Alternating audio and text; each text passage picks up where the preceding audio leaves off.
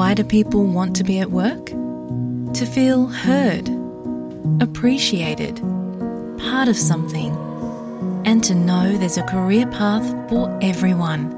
Inclusive workplaces are linked to increased innovation, productivity, and employee satisfaction. Make your organisation a place where people want to be.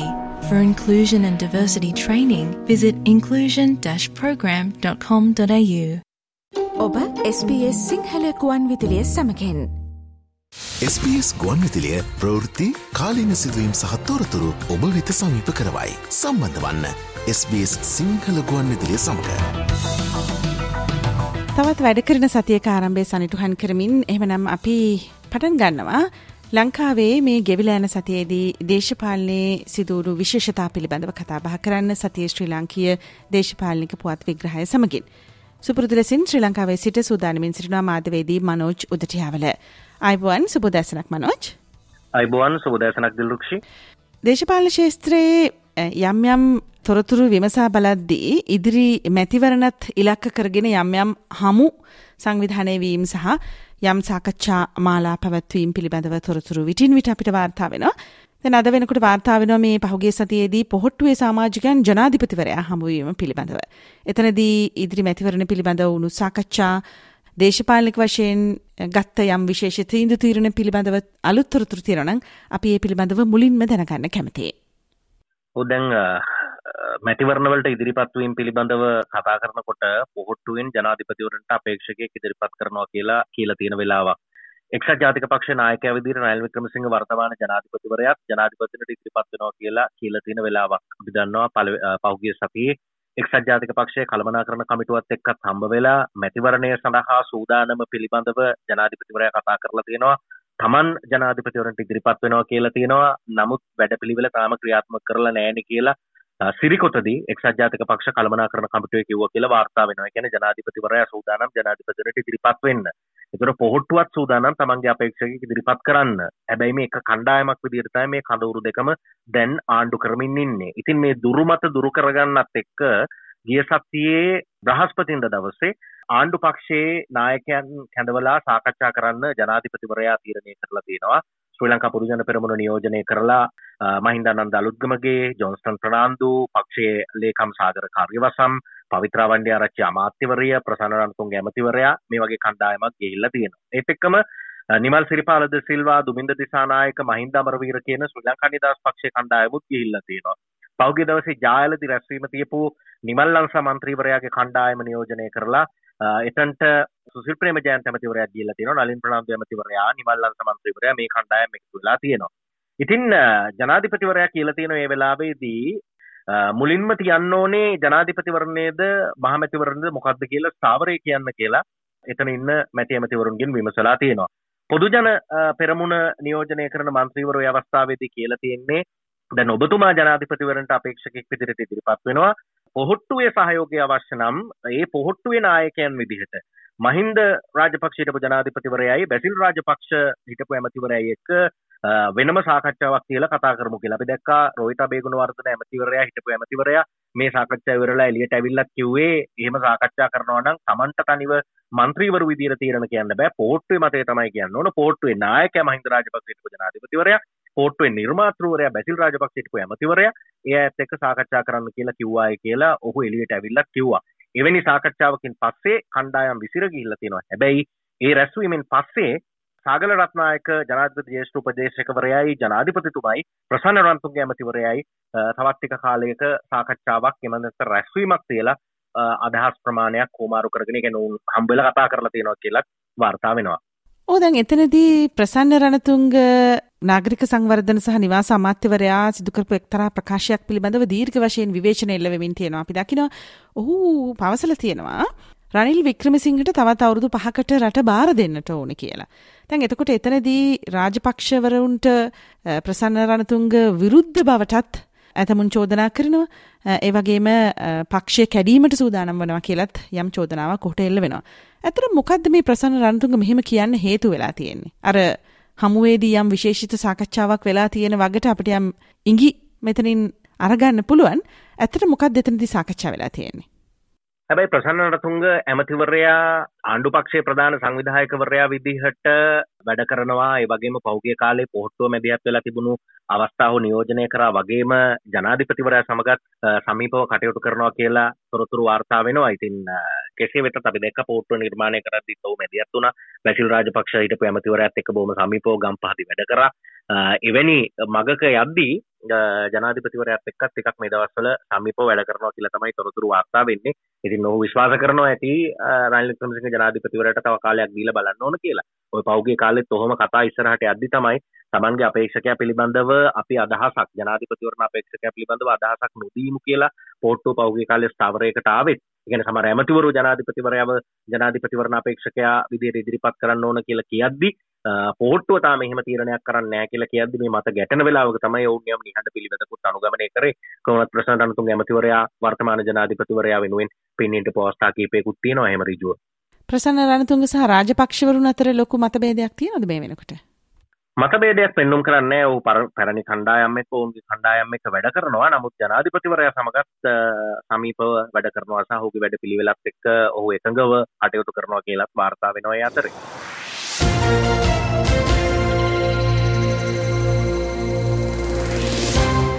දැන් ඒ අතරතුරේදී ශ්‍රී ලංකා නිදහස් පක්ෂයත් ඉදිරි මැතිවරණය සඳහා වෙනම පක්ෂයක් විදිහට තමන්ගේ පක්ෂයේ බලාත්මක කරමින් සිටින කාලවකවානුවක් අපි මීට කලින් අවස්ථා කීපයකදීම සඳහන් කිරීමකුත් කළා හිටපු ජනාධිපතිනී චන්ද්‍රිකා බණ්ඩාරනායක කුමාරතුංග සම්බන්ධ කරගෙන පක්ෂයේ ඉදිරි ගමනක් සඳහා සූදානම් වෙනවා කියලා. දැන් මෙවර මධ්‍යම කාරක සභාවේදී ශ්‍රී ලංකා නිදහස් පක්ෂය සාකච්ඡා කරලා තියෙනවා කියලා වාර්තා වෙනවා පොදු ජන එක්සත් පෙරමුණ නමින් පෙනී සිටින්න. දැන් මේ තීරණය පසුපස තියෙන සිදුවීම් සමුදාය මොකක්ද?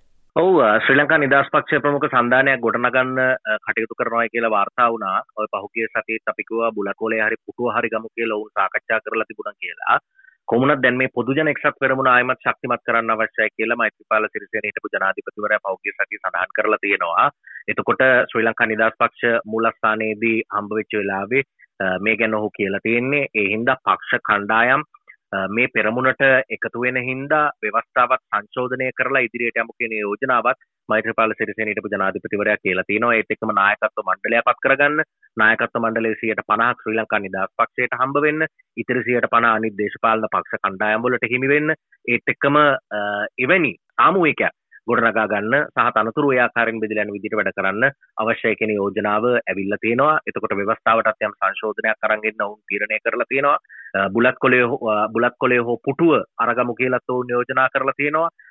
ඒත් එක්කම මේ මෛත්‍රපාල සිරිසේන හිටපු ජනාධිපතිවරයා කියලා තියෙනවා මේ සංධානයට තව මන්ත්‍රීවරු 50ක් විතර එකතු වෙනවා හිටපු ජනාධිපතිනියත් එකතු වෙනවා මේ වගේ අදහස් කීපයක් ඉදිරිපත් කරලා තියෙනවා ඒත් එක්කම ඔය පහුගිය කාලේ දෙදස් දානවේ අවුද්දේ චන්දකා කුමාරතුංග මැතිනියගේ ශ්‍රී ලංකා නිදහස් පක්ෂ සමාජිකත්වය අහෝසි කරන්නේ ඒක හේතුව තමයි ශ්‍රී ලංකා නිදහස් පක්ෂයේ ගෝඨාභය රාජපක්ෂ හිටපු ජනාධිපතිවරයාට සහයෝගය ලබා දෙද්දී සයිජ් ප්‍රේමදාස වර්තමාන විපක්ෂ නායකවරයාට ඒ වෙලාවේ ජනාධිපතිතුරු අපේක්ෂකයා විදිහට චන්දකා කුමාරතුංග හිටපු ජනාධිපතිනේ සහයෝගය පළ කරා. එතකොට පක්ෂයේ මතයට විරුද්ධව කියන අදහසින් එතුමියගේ පක්ෂ සමාජිකත්වය දෙදස් දානවේ අවුරුද්දේ නම් කරා.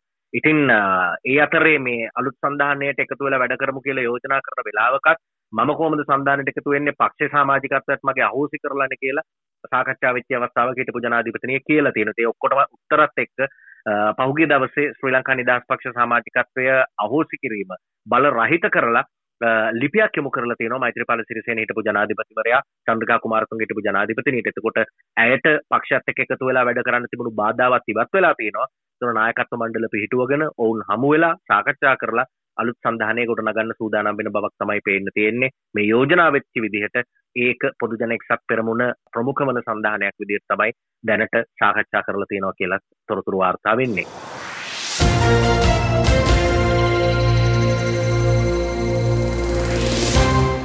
දේශපාලන ශේත්‍රයේ ටිකක් කසුකුසුවක් විදිහට පැතිර යන ආරංචියක් පිළිබඳවයි මේ ළඟට විමසා බැලීම සිදුවන්නේ. හදිසි අනතුරක් හේතුවෙන් දිවි අහිමි වුණු අභාවප්‍රාප්ත රාජ්‍ය අමාත්‍ය සනත් නිශාන්තගේ බිරිඳ දේශපාලනයට එන්න කැමැත්තෙන් ඉන්නවා. ඇය සමග යම් යම් දේශපාලඥයින් සාකච්ඡා කරලා තියෙනවා කියලා තොරතුරු වාර්තා වෙනවා. මේක ඇත්ත නැත්ත සහ මෙහි පසුබිම මොකද්ද මනෝජ්? ඔව් දැන් ඒ පිළිබඳ සාකච්ඡා කීපයක් තියෙනවා. එකක් කාරණයක් සාකච්ඡා වුණා. එතුමියව ජාතික ලැයිස්තු මන්ත්‍රී ධූරයක් දීලා පාර්ලිමේන්තුවට අරගන්නවාද කියන එක තව තැනක සාකච්ඡා වෙලා තිබුණා. ඔවුන්ට වියත්පුරෙන් නිවසක් ලබා දෙනවා කියන එක. ඒ කියන්නේ ඔවුන්ගේ පුත්තල මේ තිබුණු නිවස ඔය අරගල කාලේ කියන්නේ ගිනිබත් කිරීමත් එක්ක ඒත් එක්කම ඕ දැන් අමාත්‍යවරෙක් විදිහට වැඩ කරද්දී හම්බ වෙච්ච නිලවසවුට අහිමිවීම මෙවැනි කාරණා එක්ක සනත් නිශාන්ත හිටපු රාජ්‍ය අමාත්‍යවරයාගේ බිරිඳට වියත්පුරෙන් නිවසක් ලබා දෙන්න යෝජනා වුණායි කියලා වාර්තා වෙනවා. ඒ අතර ඈත් මාධ්‍යට සඳහන් කරලා තිබුණා සනත් නිශාන්ත හිටපු රාජ්‍ය අමාත්‍යවරයාත් එක්ක වැඩ කරපු ප්‍රදේශයේ ජනතාව ඉන්නවා. පක්ෂය ගොඩනගන්න පුළුවන් කියලා අරගලෙන් පස්සේ සක්‍රියව වැඩ කරා. එතකොට පක්ෂයට යම් විශ්වාසයක් ලබා දුන්නා තමන් පියා විදිහට තමන්ගේ දරුවෝ කොහොමද දෙන්න ඕන කියලා තාත්තා හිතපු විදියක් තියෙනවා සනන් නිශාන්ත හිටපු රාජ්‍ය අමාත්‍යවරයා හිතපු විදියක් තියෙනවා. මේ සියල්ලටම පණ දෙන්න ඇය බලාපොරොත්තුවක් තියෙන බව කියලා තියෙනවා. ඒත් එක්කම ජනතාව ඉල්ලීමක් කරනවා නම් ඒ කියන්නේ ජනතා කැමැත්තක් තියෙනවා නම් ඒක දේශපාලන ගමන විදියට පරිවර්තනය කරන්නත් ඇය හිතලා බලනවා කියලා සඳහන් කරලා තියෙනවා. ඔය අතරේ තමයි මේ පාර්ලිමේන්තු මන්ත්‍රීවරුත් ඔහුගේ දානමය පින්කම වෙලාවේ පෝට්ටු නියෝජනය කරන මන්ත්‍රීවරු එතන නාමල් රාජපක්ෂ මන්ත්‍රීවරය ඉඳලා තියෙනවා මහින්දන්න දලුද්ගමගේ ඉන්දික අනුරුද්ධ ලලිත් වර්ණ කුමාර මේ වගේ කණ්ඩායම් පින්කමටත් එකතු වෙලා ඉන්න අතරේ තමයි මේ ඔය වියත්පුරේ නිවසක් ලබා දීම කියන යෝජනාව එතනට ඇවිල්ලා තියෙන්නේ. ඉතින් මෙවැනි කාරණා සාකච්ඡා වෙලා තියෙනවා. ඉදිරියේදී අපි බලමු ජාතික ලයිස්තු මන්ත්‍රී ධුරයක් හම්බ වෙයිද? ගේකුත් දෙයිද?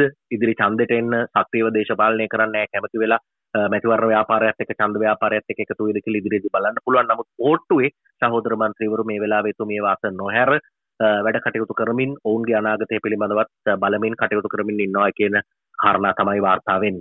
SBS ගුවන්විතිලිය ප්‍රවෘත්ති කාලීන සිදුවීම් සහත්තෝරතුරු ඔබ වෙත සමීප කරවයි. සම්බන්ධ වන්න SBS සිංහල ගුවන්විදිලිය සමඟ. අපි දැන් අවධානය යොමු කරන්නේ පසුගේ කාලවක්වානුවේදී විශාල ආන්දෝලනයකට ලක්වුණු බොහෝ දිනෙකුගේ අවධානයට ලක්වුණු ප්‍රති ත්‍රස්ත පනත පිළිබඳවයි. ත්‍රස්වාදය වැලක්වීමේ පනතට යම් සංශෝධනය එකතු කරමින් ප්‍රතිත්‍රස්ථ පනත නමින් පනතක් ඉදිරිපත් කළා. ඒ පනතට පෙත්සම් රාශයක් ඉදිරිපත් කලා තිබුණ පනතට විරෝධය පල කරමින්. ඒ පෙත්සම් විභාග කල්ල තීන්දුව රහසිගතව දැනුම්දීලා කියලායි තොරතුරු වාර්තා වෙන්නේ.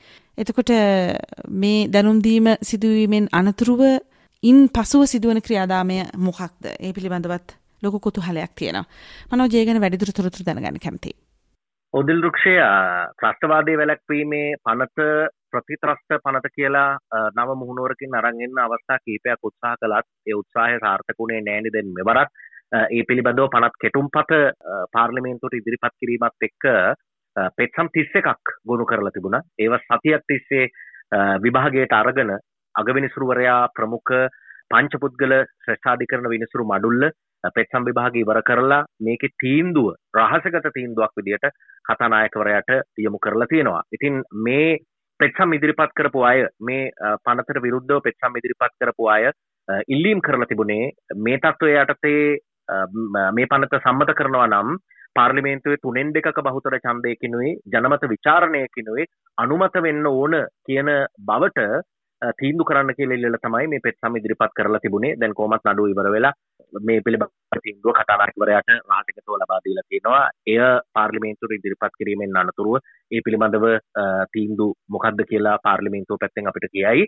ත්‍රස්තවාදය අර්ථකථනය කරන්න බලය පොලිසියට ලබා දීම ඒත් එක්කම රාජ්‍ය ප්‍රතිපත්ති විවේචනය කිරීමේ නිදහස කියන කාරණයට සීමා පැනවීම එතකොට උද්ඝෝෂණවලට සීමා පැනවීම ඒත් එක්කම යම් විදිහට රැඳවුම් නියෝග නිකුත් කිරීමේ බලය ආරක්ෂක ලේකම්බරයට ලබා දීම භයානකයි. මේ ආදී විදිහට කරුණු කිහිපයකට විරුද්ධව මේ කණ්ඩායම් ඔවුන්ගේ පෙත්සම් ඉදිරිපත් කරලා තිබුණා. ඉතින් මේ පිළිබඳව සලකල බලලා පාර්ලිමේන්තුවේ මේ යෝජනාව සම්මත කරගන්න කලින් ඊට අදාළ වෙන විදිහට මේ යෝජනා වෙනස් කරාවිද?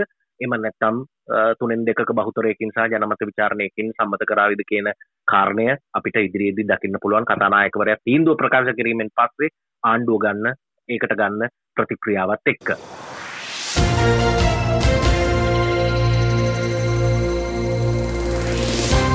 ප්‍රතිත්‍රස්ත පනතට පස්සේ ඔන්ලයින් පනත සම්බන්ධවත් විශාල කතාබහක් සවුනන්දුවක් ඇතිවුණ ඔන්ලයින් පනතනං සම්මත වුණ හැබැයි මේ ඔන්ලයින් පනත් කෙටුම් පතට සංශෝධන ඉදිරිපත් කරන්න ශ්‍රේෂ්ඨාධිකරණය ලබා දුන්න නිර්දේශ නොසලකා හරමින් ඒ පනතට අත්සන් තැබීම කතානායකවරයා විසින් අත්සන් තැබීම විපක්ෂයේ දෝෂ දර්ශනයට ලක් වෙලා තියෙනවා. උන් මේ විශ්වාස භංගයක් පිළිබඳවත් කතා වෙන ආරංචියක් තියෙනවා. මොකක්ද මනෝජ් මෙතන වෙන්නේ යන්නේ? කතානායකවරයාගේ විශ්වාසය බිඳ වැටිලා තියෙනවා මේ පනතට අත්සන් කිරීමත් එක්ක කියන එක විපක්ෂ නායකවරයා ප්‍රසිද්ධියම සඳහන් කරා. ඔහු කිව්වේ මේ ඔන්ලයින් පනතට ශ්‍රේෂ්ඨාධිකරණය ලබා දුන්නු නිර්දේශ නවයක් නොසලකා හරිමින් කතානායකවරයා ක්‍රියා කරලා තියෙනවා. ඒ හින්දා කතානායකවරයාගේ විශ්වාසය බිඳිලා තියෙනවා. ඒ හින්දා විශ්වාස භංගයකට යන්න ඉදිරියේදී සිද්ධ වෙන්න පුළුවන් කියන කාරණය විපක්ෂ නායකවරයා සඳහන් කරලා තියෙනවා. එතකොට ඔහු කිව්වේ කතානායකවරයා නීතියට පිටින් මාර්ගගත පනතට අනුමැතිය දුන්නා. ඒ ගැන විශ්ලේෂණයක් කරා. අවස්ථා නවයකදී ශ්‍රේෂ්ඨාධිකරණය නිර්දේශ ලබා දුන්න ඒවා අමතක කරා.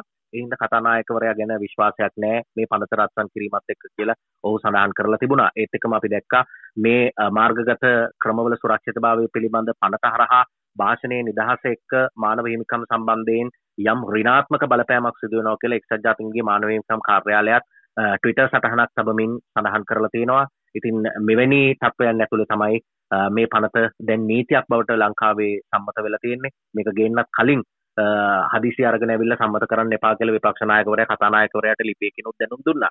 ඒ සියල්ල අතර තමයි පාර්ලිමේන්තුවට ගෙනල්ලා දවස් දෙකක් විවාද කරලා පාර්ලිමේන්තුවේදී සම්මත වෙලා සම්මත වුණු දෙයට කතානායකවරයා අත්සන් කරලා දැන් ඒක නීතියක් බවටම පත් කරලා තියෙන්නේ.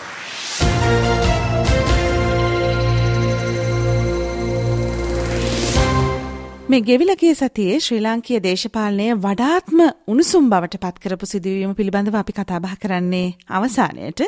ඒට හේතු වන්නේ මේ පිළිබඳව වන මූලික සිදුවීම් සමුදාය මේ වෙනකොට විවිධ අන්තර්ජාල මාධ්‍ය හරහා ඔබ දැනුවත්ව සිටීම ඒ තමයි හිටපු සෞඛ්‍ය අමාත්‍ය කෙහෙලි රඹුක්වැල්ල මහතාව අත්අඩංගුවට පත්වීම සිදුවීම. හියුමන් ඉමියුනෝග්ලොබියුලින් නම් වන බාල ප්‍රතිදේහ ඖෂධ බෙදා හැරීමෙන් රජයට කෝටි ගණනක අලාභයක් සිදු කිරීමට එරෙහිවයි ඔහුට චෝදනා එල්ල වුණේ ඉතින් ඒ පිළිබඳව ප්‍රකාශයක් ලබා ගැනීමට ඔහු CIDයට කැඳ වූ අවස්ථාවේදී ඔහු අත්තරංගුවට පත් වුණා. දැන් මේ සිදුවීම පිළිබඳව ඔබ දැනුවත්. ඉන් අනතුරුව මේ වෙනකොට ඔහු සම්බන්ධව සිදුවෙමින් පවතින ක්‍රියාදාමය මොකක්ද? ඒ පිළිබඳව විමසා බලමින් අපි එහෙමනම් අද දවසේදී සතියේ දේශපාලනික පුවත් විග්‍රහය අවසන් කරනවා. මනෝජ් මොනවද අපිට මේ වෙනකොට වාර්තා වෙමින් තියෙන තොරතුරු? ඔහු දැන් පෙබරවාරි පහළොස්වෙනි වෙනකන් රක්ෂිත බන්ධනාගාරගත කරන්න තීරණය කරලා තිබෙනවා. මේ වෙනකොට බන්ධනාගාර රෝහලේ ඔහු ප්‍රතිකාර ලබමින් ඉන්නවා. සෞඛ්‍ය තත්ත්වය පහුගිය දිනවල තිබුණු රෝගී තත්ත්වයන් කිහිපයක් නිසා ඔහු තවදුරටත් සෞඛ්‍ය පිරිහීමකට ලක් වෙලා තියෙනවා කියන කාරණේ මත පාලොස්වනිදා වෙනකම් තමයි රක්ෂිත බන්ධනාගාරගත කිරීම සිද්ධ කරලා තියෙන්නේ. දැන් මේ පිළිබඳව සිවිල් සංවිධානාදී ක්‍රියාකාරීන් තමන්ගේ විරෝධය පළ කරමින් ඉන්නවා. අපි දැක්කා කෙහිලිය ගෝගම නිර්මාණය කරලා තිබුණා ඒන්දියෝ කියලා තිබුණා. සෞඛ්‍ය අමාත්‍යවරයා කටයුතු කරපු ආකාරය ඒත් එක්කම අපරාධ පරීක්ෂණ දෙපාර්තමේන්තුව මගහැරීම අපරාධ පරීක්ෂණ දෙපාර්තමේන්තුව මගහැරීම පිළිබඳව අධිකරණයට කරුණු වාර්තා කරලා තිබුණා. හිතාමතා තමයි මේ මගහැරීම සිද්ධ වෙලා තියෙන්නේ කියලා. ඊට පස්සේ තමයි ඔහුට සිකුරාදා දවසේ අපරාධ පරීක්ෂණ දෙපාර්තමේන්තුව විල්ල ප්‍රකාශ ලබා දෙන්න සිද්ධ වුණේ. පැය 11ක ප්‍රකාශ ලබා දීමෙන් පස්සේ තමයි ඔහු අත්අඩංගුවට අරගත්තේ. අත්අඩංගුවට අරගෙන ඔහු ඒ කියන්නේ ඔහු CID බාරයට අරගත්තා. ඊට පස්සේ පහළොස්වැනිදා වෙනකම්ම ඔහුව බන්ධනාගාරගත කරන්න තීරණය කරලා තියෙනවා. ඉදිරියේදී මොනවද වෙන්නේ කියලා ඊට පස්සේ අපිට බලන්න පුළුවන් දේශපාලනමය මැදිහත්වීම් සහ ගන්න තීන්දුව තීරණත් එක්ක.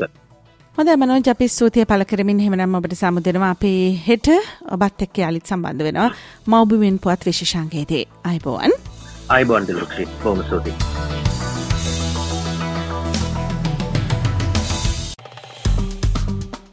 ලයි කරන්න ෂයා කරන්න අදහස් ප්‍රකාශ කරන්න SBS සිංහල ෆස්බුක් පිටුව ෆලෝ කරන්න.